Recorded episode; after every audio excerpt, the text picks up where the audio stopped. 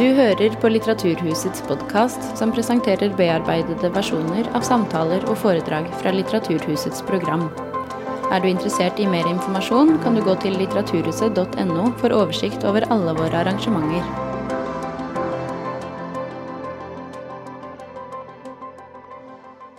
Kjære alle sammen. Velkommen til Litteraturhuset og til dagens foredrag. Foredraget dere snart skal høre, inngår i en satsing vi har kalt Forbudte bøker, som skal kaste lys over de mange måtene litteratur forbys, sensureres og undergraves på, historisk og i dag. Den består av en rekke foredrag og arrangementer samt en antologi med nyskrevne tekster vi lanserte digitalt i forrige uke. I antologien 'Hviskinger og skrik' kan dere lese forfattere som Fatima Ektesari, Ahmed Altan og Joyce Carol Oates reflektere over ytringsfrihetens kår gratis på nettsidene våre. I forrige foredrag i serien hørte vi fra forskningsbibliotekar Trond Haugen, som ga oss en innføring i den norske boksensurens nyere historie. Nå vender vi blikket til det store utland, og vi kan ikke tenke oss en bedre guide enn Kjersti Løken Stavrum. Stavrum har bakgrunn som journalist og redaktør i Aftenposten. Hun har vært generalsekretær i Norsk Presseforbund og er nå daglig leder i stiftelsen Tinius. Hun har vært styreleder i Norsk Penn, altså den norske avdelingen av verdens største skribent- og ytringsfrihetsorganisasjon, Penn International, og hun ledet regjeringens ytringsfrihetskommisjon 2020-2022. Stavrum er også styreleder i stiftelsen Cultiva i Kristiansand.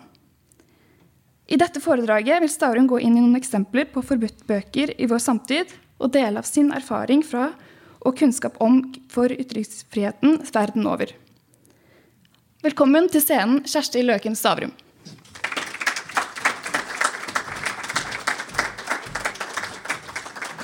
Og alt dette på en time. Ja. Tusen takk for at dere har kommet. Takk for at dere ikke valgte sola. Jeg kjente at det var en stor konkurrent etter en uke med regn. Ehm, jeg skal snakke om forbudte bøker, sensur og sedelighet. Eh, og jeg fikk et eh, veldig raskt eh, spørsmål for meg selv. Hvor skal vi begynne, og hvor vil dette ende? Jeg har tenkt til å svare på begge deler, egentlig. Og jeg fikk mest lyst til å begynne med verdens vakreste biblioteker. Dette er Strav-klosteret i Praha. Som ifølge legenden begynner med én bok. Og så bygger de dette fantastiske huset. Eh, byggeprosessen begynte i 1622, og i dag rommer da dette biblioteket rundt 20 000 bøker. Og så er det en, eh, hva skal jeg si, en kjenning for mange, som også regnes som et av verdens vakreste bibliotek. Det er det gamle biblioteket, eller Old Library, i Trinity College i Irland. Og det er blitt så stort fordi at man krevde at alle forleggere i Irland må gi fra seg én bok gratis til dette biblioteket. Så sånn har de bygd opp boksamlingen sin. Men det er egentlig bare én bok som er den store attraksjonen. Og det er Book of Kells.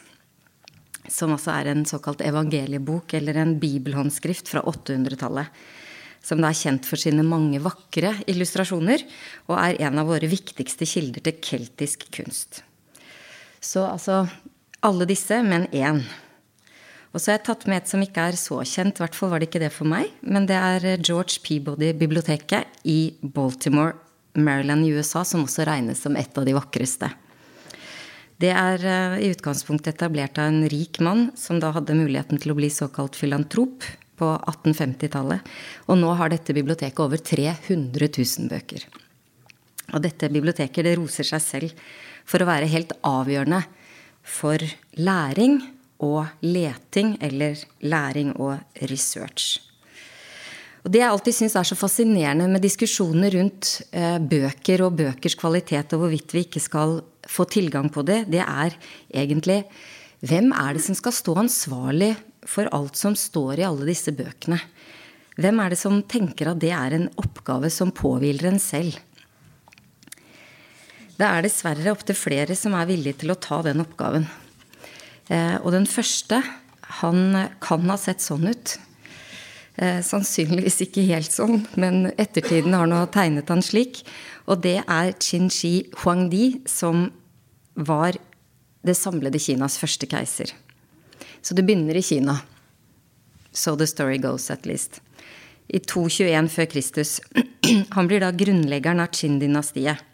Og fant ut at alle bøker innen historie og klassisk kinesisk litteratur som glorifiserte tidligere herskere, det kunne ikke han ha. For historien skulle begynne med han.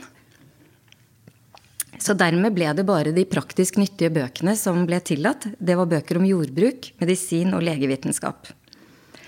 Så er det jo interessant, da, En ulykke kommer jo sjelden alene. For han ble også da den mannen som tok alle de tilløpene til murer som da allerede fantes, det skal sies, men han var da mannen bak den store kinesiske mur. Og låste landet inne. Men innafor det så lagde han angivelig også noen økonomiske og politiske reformer som var av en viss kvalitet. I hvert fall så var det en fordel, får vi anta, at han standardiserte vekt og mål. Og lagde Kinas første valuta og det første kinesiske skriftspråket. For øvrig, som en sånn fun fact som det heter, så var altså da Chin-Chi Chuangdi, som sikkert ikke uttalte det sånn, men nesten Det var han som lagde terrakottahæren, som da vokter gravplassen hans. Mm. Eh, men han ble altså da eh, den mannen som står bak verdens og historiens første grep for å forby bøker. En mann som likte kontroll. Religion er en del av ytringsfriheten. Det er viktig å huske. Det å kunne velge hvilken religion man vil eh, tilhøre, og utøve religiøs tilknytning, det, det, det skal ytringsfriheten ivareta. Vår erfaring da vi jobbet med Ytringsfrihetskommisjonen, var at mange religiøse minoriteter i Norge er veldig klar over det. Vi ventet at de skulle ønske at vi strammet inn lovverket for hva som eh, skulle være tillatt eh, under den såkalte hatytringsparagrafen, paragraf 185, men møtte et, eh, et utvalg representanter for religiøse minoriteter som tvert imot var veldig bevisst på at ytringsfriheten måtte være vi. Sannsynligvis fordi de vet at det kan være en belastning å være en religiøs minoritet. Denne karen her, derimot, han var ikke sånn. Eh, store religioner har ikke alltid vært like rause med andres ytringsfrihet, må man kunne si. Og den romersk-katolske kirke følte, førte tidlig lister over hvilke bøker som var forbudte for deres medlemmer. Og denne karen her, pave Paul 4., han startet i 1559 det som da ble hetende Index Librorum Prohibitorum. Altså en indeks over hvilke bøker man ikke skulle få tak i. Han førte for øvrig da også, apropos at ulykker kommer sjelden alene, eh, han førte et fryktregime som ga han tilnavnet Il Terrible. Og var en av de mest forhatte pavene gjennom tidene. Han var så forhatt at da han døde, så gikk folk til angrep på statuen hans, kappet av hodet og kastet hodet i Tiberen. Så han ble derfor gravlagt i all stillhet, men fortsatt i krypten i Peterskirken. Men denne indeksen som han da lager, det er historiens mest kraftfulle sensurverktøy. Den ble etter hvert hardt angrepet Eh, selvfølgelig og utfordret etter hvert da på 1800-tallet og på begynnelsen av 1900-tallet. Merk dere at eh, har, den har vært der en lang stund når vi kommer til 1900-tallet. Og det var også både eh, katolske teologer og utenforstående som ikke ønsket at den indeksen skulle, skulle fortsatt være livskraftig. Etter hvert så ga man da forskere og vitenskapsmenn dispensasjon for å kunne tilegne seg da den kunnskapen som var i disse forbudte bøkene. Og så ble systemet gradvis myket opp. Men gjettekonkurranse Det var først i at Vatikanet erklærte at det ikke ville bli ført opp flere bøker på listen over da forbudte bøker. Det var i 1966. Så bøker har hatt fiender eh, i alle tider. Også av sine nærmeste skal man ha det. Eh, dette er Charles Darwins eh, eh, 'Artenes opprinnelse', eller 'The Origin of Species'. Den er jo da, som dere skjønner, ble jo den da en del av denne gjengen forbudte bøker. Og den ble forbudt da fra biblioteket Trinity College i Cambridge, der hvor Darwin selv hadde vært student. Denne boken omtales som den mest spektakulære boken som er blitt forbudt gjennom tidene. Men nå skal vi hoppe fram til vår tid. Vi skal litt fram og tilbake. Uh, og i innledningen så ble denne kvinnen nevnt.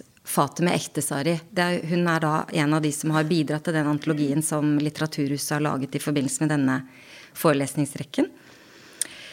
Fatime Ektesari, en utrolig flott dame, vil jeg si. Eh, hun er poet, redaktør, kunstner, utdannet jordmor fra Teheran. Og særlig da opptatt av kvinners rettigheter. I 2010 så debuterte hun med sin første diktsamling. Men i 2015 måtte hun flykte fra Iran etter å ha blitt dømt til 11,5 års fengsel og 90 piskeslag for denne diktsamlingen sin. Hun trodde, som hun sa, ikke sine egne øyne da hun så denne dommen. I 2017 kom hun til Lillehammer Eh, og dere ser at hun har da vært gjest hos Norsk Penn. Eh, hun er da en av de fribyforfatterne som vi har i Norge. Det er en fantastisk ordning. Som ble eh, etablert av Salman Rushdie etter at han da erfarte hvor helt umulig det er som forfatter å være truet på livet. Så lager han da dette nettverket av byer som tilbyr truede forfattere, kunstnere, musikere, dansere, journalister, særlig stadig flere journalister, et fristed hvor de kan da komme vekk der de er truet, og få et pusterom i disse byene. Men eh, Norge, Sverige og Danmark tilbyr permanent asyl. Så jeg tenker på dette som den eh, flotteste juvelen i eh, asylinstituttet vårt. Og Fatem Ektesari er da en av de som har fått det. Vi kan si at hun er så heldig at hun har fått det, men jeg tenker at vi er så heldige som har fått Fatem Ektesari. Og her har jeg lagt inn en liten, en liten hilsen på denne skjermen. Det er disse tre prikkene, for det er egentlig ikke på bildet hvor hun da er eh, og holder et foredrag. For da Fatem Ektesari skulle gi ut da, sin første diktbok i Iran, så tok hun vekk ordene som hun visste at kom til å bli sensurert, og satte inn tre prikker i stedet. Så hun slettet disse ordene. Hun slettet kyss, hun slettet sigaretter, hun slettet alkohol og Gud og frihet. Og jeg satte inn et kyssemerke. Og så la hun ut disse ordene på Facebook, sånn at folk kunne fylle inn på egen hånd. Det er jo en slags sånn jeopardy. Det gikk bra en stund. Men så kom jo myndighetene med en ny regel. Det er ikke lov med tre prikker i bøker.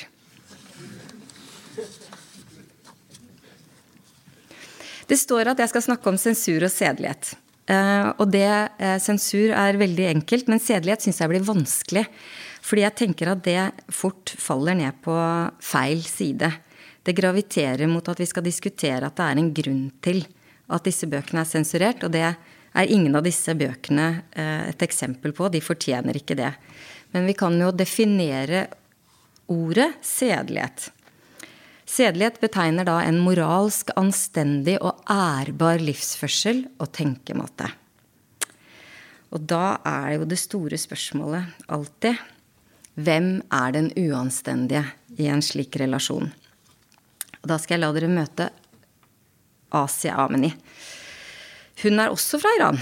Hun var journalist. Hun eh, beskriver seg selv i foredrag som at hun var en helt vanlig journalist. I betydningen jeg tror ikke hun hadde tenkt så mye over eh, alt eh, det problematiske. Og hun var i hvert fall ikke særlig engasjert i det som journalist. Hun skrev om alt mulig annet. Inntil hun tilfeldigvis en dag ble, kom i befatning med Irans hang til å drepe ungdommen og barna sine. Og etter at hun engasjerte seg for menneskerettigheter i 2005, så ble hun da både avhørt og arrestert. Og navnet hennes eh, og bøkene hennes ble ført opp på listen over forbudte forfattere i Iran. Og bøkene og artiklene ble da ikke heller lenger offisielt publisert, selvfølgelig. Asi engasjerte seg i de fengslede barnas sak. Eh, og så kan vi liksom reflektere over det. Dette er da i 2005. Aksjonerte veldig mot den straffen iranerne utøvde ved å steine de som eh, var fengslet. Asia mistet jobben sin i 2007, og etter det så fikk hun verken jobb eller utgitt bøker. Men hun kom til Norge som fribyforfatter, og hun har vært eh, i Trondheim i mange år. Eh, og den andre diktsamlingen hennes den eh, var klar da hun dro fra Iran, og den kom ut i 2011. Jeg tenkte jeg skulle lese to korte dikt fra, eh, fra den boken. Eh, den boken heter 'Kalde onsdager', og det er fordi på onsdager var dagen de fengslede ble henrettet. Så 'Kalde onsdager 1' er det første diktet. Ukene slutter med tirsdag. Etter tirsdag kveld begraver toget som frakter døden sine passasjerer på en stasjon bortenfor solen. Og så er det det som dere ikke klarer å lese, men som AC sendte meg på Messenger denne uka her. Men da får jeg gleden av å lese 'Kalde onsdager 7', som er diktet hun skrev om Atefe, som var 16 år Atefe ble henrettet i 2004, og det er Atefe som er årsaken til eh, Asies engasjement. Det er da hun våkner for fullt, vil jeg si. Asia er en veldig flott, engasjert dame. Eh, og det diktet går slik. Nedenfor skyens munn, ovenfor vindens øyenbryn, blafrer en svart kjole, som er festet til himmelen med et rep. Folk klapper og roper hurra Masura, Masura. Den unge hunnulven uler. Og forestillingen er slutt. Asia har vært eh, styremedlem i Penn i mange år og er fribyforfatter. Eh, bor da i Trondheim og er internasjonalt anerkjent. Og den, hennes skjebne i Iran begynner jo da med en internasjonal anerkjennelse der, hun, der hennes diktsamling blir blir eh, særlig fremhevet av Unesco, og da hadde hun det gående, kan man si. Så da måtte hun også flykte. Iran er vi opptatt av disse dager, og her kommer det en tredje veldig flott kvinne. Det er Mawash Sabet. Hun, eh, har, eh, hun er eh, bahai. Det er hennes eh, Hva skal man si? Eh, kriminelle handling. Og har da ble fengslet og dømt til 20 års fengsel for dette. Men på dette bildet er hun i, i Oslo. Vi hadde besøk av henne her eh, på Litteraturhuset i første etasje i 2019. I 2013 kom hennes eh, poesibok ut. Eh, 'Fengselsdikt' heter den. Og det heter den fordi hun skrev disse diktene i fengsel. På toalettpapir. Og så de som da fikk besøke henne, de, de fikk da ut en og en lapp, og så fant disse lappene veien til en forlegger i Paris. Eh, og det dere ser der, er eh, da et av disse diktene som er rammet inn, og som er på Penns kontor her i huset. Som er da et eksempel på, på eh, Ja, hva skal jeg si? at poesien kjenner ingen grenser. de kommer ut av fengselet, selv om det da var på toalettpapir og servietter. Men vi må videre. Fra Iran. Dere skjønner, Iran har Irans, iranske myndigheters kriminelle handlinger har vart lenge. Nå skal vi hilse på Tony Morrison. Eh, jeg husker veldig godt at hun fikk eh, Nobelprisen i 93, fordi at jeg hadde allerede kjøpt og lest boken, og det er av disse øyeblikkene du føler at du er litt med. Eh, og dette er dette bildet, og, og, og teksten er da fra Nobel, Nobelkomiteens egen hjemmeside, som skriver at The Nobel Prize in Literature 1993 was awarded to Tony Morrison, who in novels characterized by visionary force and poetic import, gives life to an essential aspect of American reality. Da Tony Morrison døde, så var eh, Barack Obama en av eh, dem som hyllet henne. Og han kalte henne for en nasjonalskatt. Hennes tekster var ikke bare vakre, men meningsfylte. En utfordring for vår samvittighet og en oppfordring til mer empati, skrev han på Facebook da Tony Morrison døde. Hun var en god historieforteller og like fengslende som person som på papiret, tilføyer han i denne teksten. Og i 2012 fikk også Morrison USAs høyeste sivile utmerkelse, presidentens frihetsmedalje. Altså da av Barack Obama. Eh, om Morrison blir det altså sagt at hun betraktet rase som en sosial konstruksjon og bidro til å løfte amerikansk multikulturalisme til verdensscenen og visket sensuren ut av USAs fortid, ble det sagt. Og her er hun nå. Dette bildet er eh, tatt av, eh, av, Ingeborg Kverne for øvrig, da hun var på ferie i USA i sommer. Og Ingeborg er Norsk Penns fribykoordinator, så det er hun som har da kontakt med alle fribyforfatterne i Norge, og, og, hjelper de med å nå ut med sine tekster og budskap. Og, og, og hjelper de å fungere som, som kunstnere og forfattere i Norge.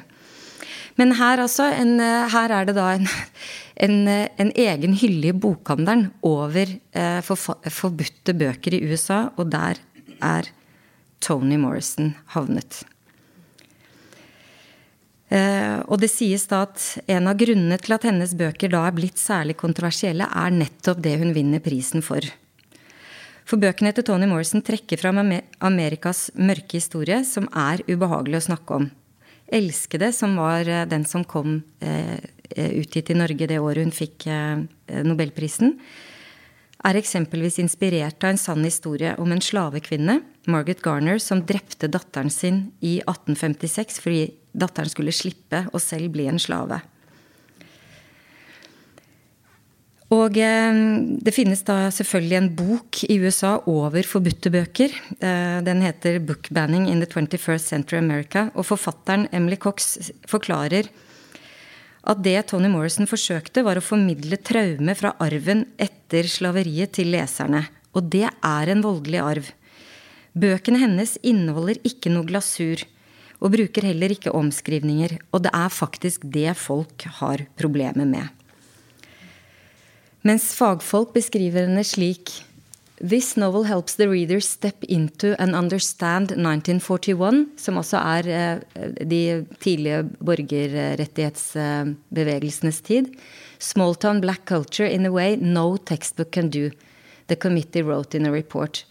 Removing the work would infringe on the rights of parents and students to decide for themselves if they want to read this work of literature. Men der har altså nobelprisvinneren havnet. En prominent hylle, men det er jo veldig tragisk. Penn America har engasjert seg i stadig større grad for den store trenden det etter hvert har blitt i USA å forbi bøker fra skolebibliotekene. De har da en såkalt Index of School Book Bands. Eh, og i løpet av første eh, halvår 2022-2023 eh, så har de ført opp 1447 tilfeller av individual books band. Som altså da angår 874 titler. Og sånn ser den indeksen ut. Og den er egentlig litt sånn um, oversiktlig uh, og uendelig lang. Uh, og grei å bruke tid på, egentlig, for å se hvilket uføre man havner i når man begynner å ta ansvar selv for alt som står i bøker man ikke kanskje engang hadde lest før noen eh, kom på at den burde man lese, eller den burde man engasjere seg i. Eh, og, Pen America sier altså at de har eh, ført opp flere forbudte bøker gjennom høsten 2022 enn det de gjorde i de foregående to semestrene i, på begynnelsen av 2022. Eh, og at de også ser at lov, eh, lovene i delstatene eh, legger til rette mer og mer for at sensur skal kunne finne sted. Og at det forsterker lokale borgergrupper og ganske høyrøstede enkeltpersoner som, som ser på bøker som skadelige, og at, de, og at bøkene er for eksplisitte. Og at de derfor stadig får mer å gjøre med å fjerne bøkene fra bibliotekene. Så for vår del så tenker jeg at det er dette som er det store spørsmålet alltid når det skjer ting i, i verden for øvrig. Hvilke, ringer, hvilke ringvirkninger skaper det? Eh, og da tenkte jeg vi skulle gå tilbake, eh, for det er også, er også et helt spektakulært eksempel. Eh, jeg skal tilbake til en bok som, som jeg i hvert fall er 100% sikker på at var starten på mitt engasjement for urett i verden. Onkel Toms hytte. Eh, dette er da førsteutgaven, eh, den norske, som kommer i 1853. Negerlivet i de amerikanske slavestater. Denne boken ble et lokomotiv for oversatt skjønnlitteratur i Norge. Og denne boken var i sin tid Altså, det var tidenes bestselger. Eh, jeg var ikke klar over hvor massivt det var før jeg skulle sette meg ned og lage dette foredraget. Men altså, Butikkene, og da er vi ikke i Norge, da er vi i Europa, tilbød Onkel Tom-kaffe. Og det var Onkel Tom-servise. Og kaffen ble tilbudt på restauranter og konditorier som selv var oppkalt etter en eller flere personer i, eh, i denne boken. Og all verdens Onkel Tom-artikler kom på markedet. Det var postkort, lommetørklær, lamper. Og farsotten spredde seg raskt over hele Europa. Og i Tyskland het denne farsotten Onkel Tommerai. Eh, og der kom det i 1852 13 ulike oversettelser, og året etter fylte 30 nye utgaver av Onkel Tom. Og dette kommer tilbake til USA. Hvor, hvor, ble, eh, hvor denne suksessen ble oppsummert sånn Ikke siden boktrykkerkunsten ble oppfunnet, har man sett maken til suksess. I litteraturhistorien finnes ingen parallell. Vi snakker om bokproduksjonens første virkelige suksess, for alle tidligere suksess litteraturen har sett, er fiaskoer sammenlignet med Onkel Tom. For min del så begynner, eh, begynner Onkel Tom eh, mye senere, og det gjorde den egentlig i Norge også, fordi at den fikk sin storhetstid på 1950- og 60-tallet. Barnebokinstituttet har publisert en eh, veldig grundig artikkel om Onkel Toms gullalder i Norge. Og der står det her møter vi den boken vi virkelig kjenner, den som i de fleste tilfeller er skåret ned til omkring en fjerdedel av originalen. Så den er også tilpasset og laget versjoner som er språklig og strukturelt tilpasset bestemte lesegrupper, og da særlig barn og unge. Så de stillestående politiske og teologiske resonnementene som var i den opprinnelige utgaven, det har utgiverne bare sløyfet for å rendyrke en mer actionpreget handling. Språket er forenklet både med hensyn til en takst, til syntaks, morfologi og ordforråd. Jeg tenkte at det er egentlig litt interessant å ha med seg nå som vi har krangla ganske høylytt om Roald Dahls bøker. Men den ble jo for så vidt, altså, det mener jeg jo, korrigert av helt andre årsaker. Men her ble den lagt til rette for det norske publikummet. Og grunnen til at uh, onkel Tom kommer til Norge, det er en forlegger det er forleggeren Peter Tidemann Malling, som levde fra 1807 til 1878. Han var en hovedaktør i historien om den norske forlagsvirksomheten midten på 1800-tallet. Han gikk i lære i Drammen og Amsterdam, og fikk erfaring fra Kristianias fremste boktrykkerier. Og så lagde han da sitt eget trykkeri og egen forlagsbokhandel i Oslo, Kristiania, 1839. Og da ble denne boken en pangstart på hans virksomhet. Og denne Malling han søkte ifølge forlagshistoriker Harald Tveterås Det fins selvfølgelig en historiker for, forlags, eh, for, forlagsfolk. Denne Malling søkte det brede folkelige publikum. Han etterstrebet gjerne et visst vitenskapelig og offentlig preg. Og det gode forleggeri er av stor betydning for hva, hvilke bøker som løftes, og hvorfor de løftes frem.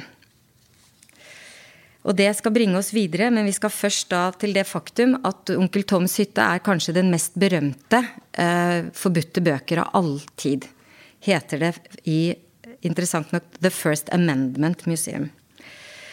Så også Onkel Toms hytte er blitt alvorlig stigmatisert, enda det var den som i hvert fall fikk meg til å begynne å lese. Da moren min fant ut at hun skulle lese denne boken for meg, ropte meg inn fra gata, fordi at akkurat nå skulle denne Onkel Toms hytte leses. Og hun klarte å lese en setning eller to, og så måtte hun gi opp, for da bare gråt hun, og så måtte jeg lese resten selv.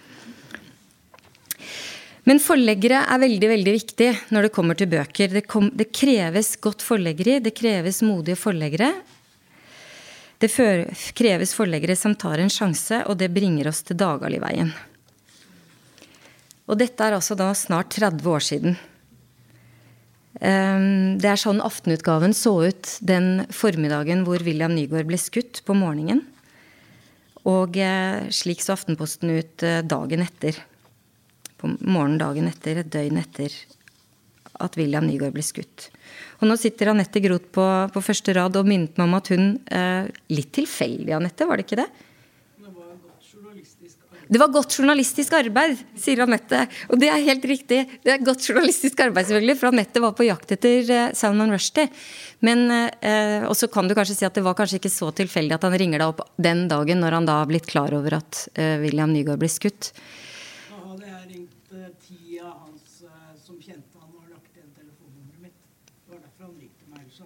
Nei, han hadde ikke visst hvem Anette var hvis ikke Anette hadde ringt ti av de kjente og lagt igjen telefonnummeret sitt. Men det Anette sier, er at hvis, hvis politiet hadde hørt det Anette da sender den kvelden, så ville man kanskje ikke brukt 30 år and still counting på å finne ut hvem som skjøt William Nygaard.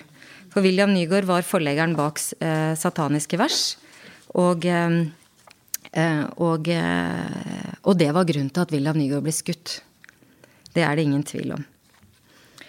Og så skal jeg også legge til med dette egentlig eh, rysende maleriet, tegningen av Salman Rushdie, som er fra trappa her nede. Det er jo, Når dere går opp, så ser dere jo disse forfatterbildene. Dette er laget for lenge siden. Dette har hengt der lenge. Men 28 år går det da før Salman Rushdie på nytt ble angrepet i, eh, i, i fjor sommer. Eh, og eh, har da mistet synet på det ene øyet. Og det kommer en bok. Jeg vil nevne det, fordi at Odd Isongset har vært den journalisten som har bitt seg fast i denne saken. Og hadde det ikke vært for hans utrettelige arbeid, så tror jeg ikke det hadde skjedd noe som helst eh, i denne saken. Nå er det jo noen som er siktet, men norske myndigheter virker å ikke ha tenkt til å gå videre med de iranerne som, som er siktet for å ha skutt og vært en del av dette angrepet. Ok, flere spektakulære eksempler. Dagbladet ringte meg denne uken og gjorde meg oppmerksom på denne som er en um, graphic adaption av Anne Franks dagbok, som også må sies å være en av de store eh, litterære bøkene i verdenshistorien. Men nå er det laget en illustrert fremstilling eh, av Ari Folmen. Eh, og den, eh, den, ser da sånn ut, en del av det uttrykket. Den kom på norsk i 2017. Eh, sånn blir den solgt inn av bokhandelen. Anne Franks dagbok er lest og elsket av generasjoner. Nå kommer den gripende historien som grafisk roman. Den første grafiske romanen godkjent av Anne Franks fond. Dvs. Si at den er eh, familien og de som forvalter arven etter Anne Frank, de har satt sitt godkjentstempel på den og er stolt av denne boken. Og, og, det skrives da her for innsalget en nydelig fargerik versjon av den kjente historien av og om Anne Frank som satt i skjul under andre verdenskrig. Men det er denne saken eh, Dagbladet har publisert eh, i dag. At det er da en lærer som nå har mistet jobben fordi hun leste denne boken for elevene sine. Eh, fordi den er eh, grafisk. Den er eksplisitt. Eh, og, eh, og, New York Times skrev i sin anmeldelse for øvrig av, av boken som også blir litt sånn, hva skal man si, et frampek. This graphic adaption is so engaging and effective that it's easy to imagine it replacing the diary in classrooms and among younger readers. Men slik skal det altså ikke bli. Særlig i Texas er en veldig, der er det mange aktive foreldre som, som syns at dette ble for drøyt, rett og slett. Så ikke bare ble boken da tatt ut, men læreren har mistet jobben. Dette kommer omtrent samtidig som denne kronikken som jeg gjerne ville ta med, som Sara Villand og, og Tine Kjær skrev i Aftenposten denne uken her, om at vi må ikke sove. Vi må følge med fordi at disse tingene får ringvirkninger Eh, inn i vår egen, eh, eh, våre egne forfatteres liv. Hvor det da f.eks. fører til at bøker må pakkes inn i plast, sånn at ikke folk kan bla i de i bokhandlene i tilfelle de uforvarende får lest noe som myndighetene ikke vil at de skal få lese. Det det fører til, er tilpasninger. Slik at man tar hensyn til at sånt kan skje. Og det er ingen som orker å stå i disse kampene. Eh, og da slutter man å skrive ting som kan støte noen. Så skal vi skjære litt, eh, siden vi nå er i Norge. Eh, Norge har også sine rariteter, altså. Det er mitt sitat på denne saken som er klippet fra Subjekt. Nå holder det.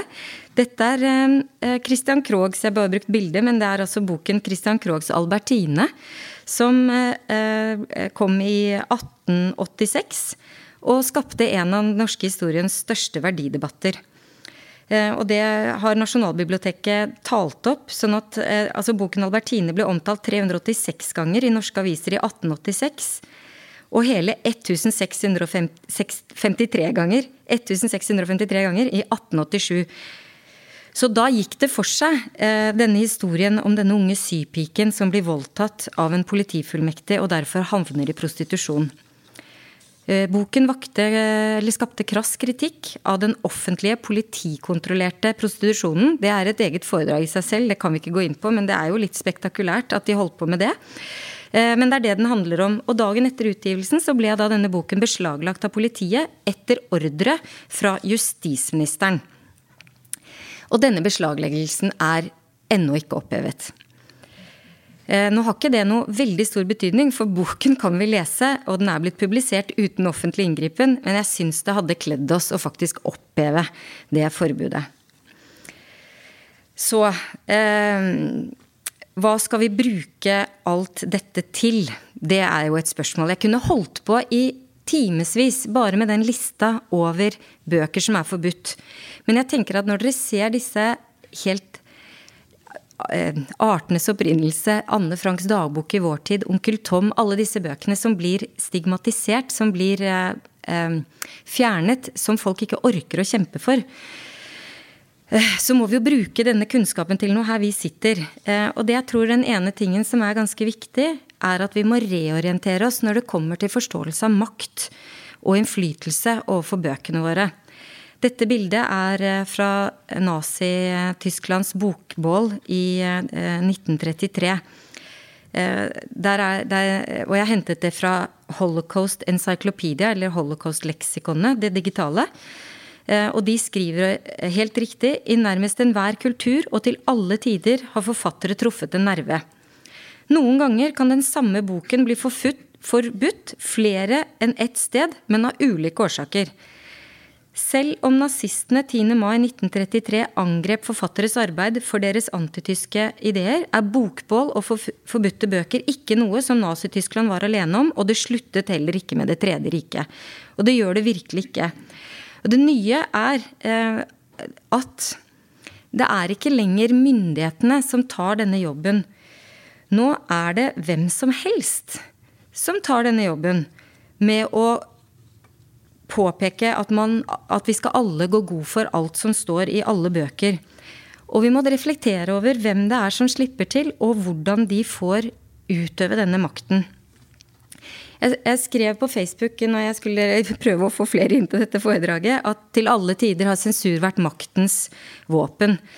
Eh, men det er ikke lenger myndighetenes våpen, dette.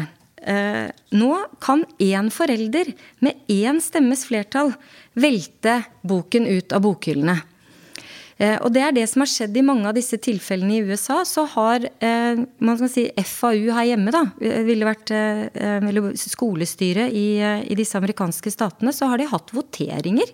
Så er det altså 5-3 i favør av å ta denne boken ut. Og hvis det er én som ønsker at boken skal ut, så tar de den ut i påvente av en klarering. Men allerede da blir boken, mener jeg, eh, problematisert og, stigmatisert. Og, eh, og, krever da at noen står opp for den. Og det er det mange som ikke ønsker eller orker å gjøre. fordi da kan man jo miste jobben sin. Og det er en kontrast i dette, fordi at eh, den amerikanske biblioteksforeningen gjorde i fjor en måling som, som som slår fast at liksom et klart flertall av foreldrene de er motstandere av bookbanning. Eh, men det hjelper jo ikke, fordi at dette vinner stadig terreng av den, en høylytt minoritet av ganske krevende foreldre som krever sensur. Og de offentlige skolene føler seg malt inn i et hjørne. For de må håndtere trusler og politisk press, og det skaper uro og bekymring i hverdagen blant foreldrene. Skolestyrer, ledere, lærere og bibliotekarer havner dermed, skriver Penn America i en av sine uttalelser, ned på den veldig, veldig forsiktige siden. Så det vi, som sagt, Den ene lærdommen jeg tenker vi skal ta med oss etter dette, er at vi må, vi må være varsomme med hvem som får ordet, og hvordan det beholdes, og hvil, hvordan vi slipper de til. Og det andre som er maktpåliggende når det kommer til ytringsfrihet, Norge er ikke USA. Vi har en lei tendens til å importere og lete etter problemer i USA i Norge. Eh, det så vi i, eh, når vi jobbet eh, med å kartlegge ytringsfriheten i Norge i Ytringsfrihetskommisjonen også, at vi Så fort man begynner med cancel culture i USA, så leter vi etter cancel culture i Norge. Mens det vi burde bruke energi på, er å, finne, er å være klar over hvordan vi skal avverge at det oppstår i Norge. Og heller bruke kreftene på å finne ut hvordan og hvorfor det går såpass bra her hjemme. Jeg, eh, jeg spurte da i denne forbindelse generalsekretæren i Norsk eh, bibliotekforening om hvordan hun mente det står til med bookbanning i Norge foran da dette foredraget. Og hun skriver, og det må vi jo kunne være enig i, heldigvis er ikke dette et fenomen i Norge i dag. Og det eneste eksempelet hun kan komme på, er typisk nok, siden vi begynte i Kina, det er en kinesisk skileder som ville fjerne bøker fra Meråker bibliotek i 2019. Er i seg selv på en måte litt komisk, eh, men det viser jo også hvor iherdig noen kan være. Fordi de kinesiske skiløperne var da i Trøndelag på treningsleir, men fikk tydeligvis litt tid til å gå på biblioteket og sjekke bøkene. Men biblioteksjefen sa nei, eh, og det var vel da åpenbart en enkel oppgave, siden det ikke skapte noe særlig bruduljer. Eh, og en av de bøkene som da ble foreslått fjernet, var en bok om Falun Gong-bevegelsen, som jo har vært forbudt i Kina i over 20 år. Og så hadde vi et tilløp til en annen diskusjon, men igjen, hvem er det som får ordet, og hvem er det vi skal lytte til? For da Oslo kommune nå ga kronprinsparet en bokgave som skulle deles ut til alle skolebibliotek i Oslo, det var en såkalt gave til alle som har alt, så håpet kommunen at denne boken skulle øke leselysten blant barn, og det var boken La skogen leve av forfatteren Nora Dåsnes.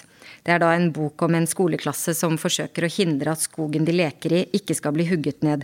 Men det er jo alltid en som syns at det er noe gærent, og da var det en representant fra Folkets parti som fikk oppmerksomhet, for hun syntes at den var upassende. Men generalsekretæren da i Norsk bibliotekforening la til helt på slutten der at det som er et problem for de norske eh, bibliotekene, det er at folk vil gi bokgaver. De vil gi fra seg bøkene sine, og det vil ikke bibliotekene ha. Så det er jo litt sjarmerende, men det er motsatt. Så det vi derimot kommer til å måtte bruke mer tid på, tror jeg, det er eh, i tråd med det oppropet som de svenske kulturredaktørene i de største mediene i Sverige sto sammen om denne uken her, nemlig at vi trenger å få barn til å lese bøker. Det er et økende problem.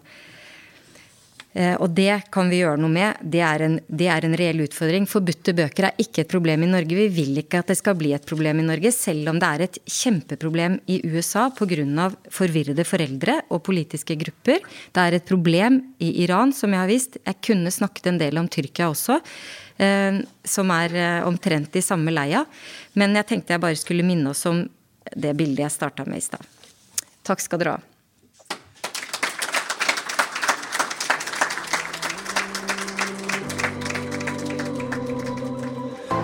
Du har hørt på Litteraturhusets podkast, som presenterer bearbeidede versjoner av samtaler og foredrag fra Litteraturhusets program. Del gjerne podkasten med familie og venner via iTunes eller Soundcloud om du liker det du har hørt. Følg oss også på Facebook og på litteraturhuset.no for informasjon om flere aktuelle arrangementer. Musikken er laget av Apotek.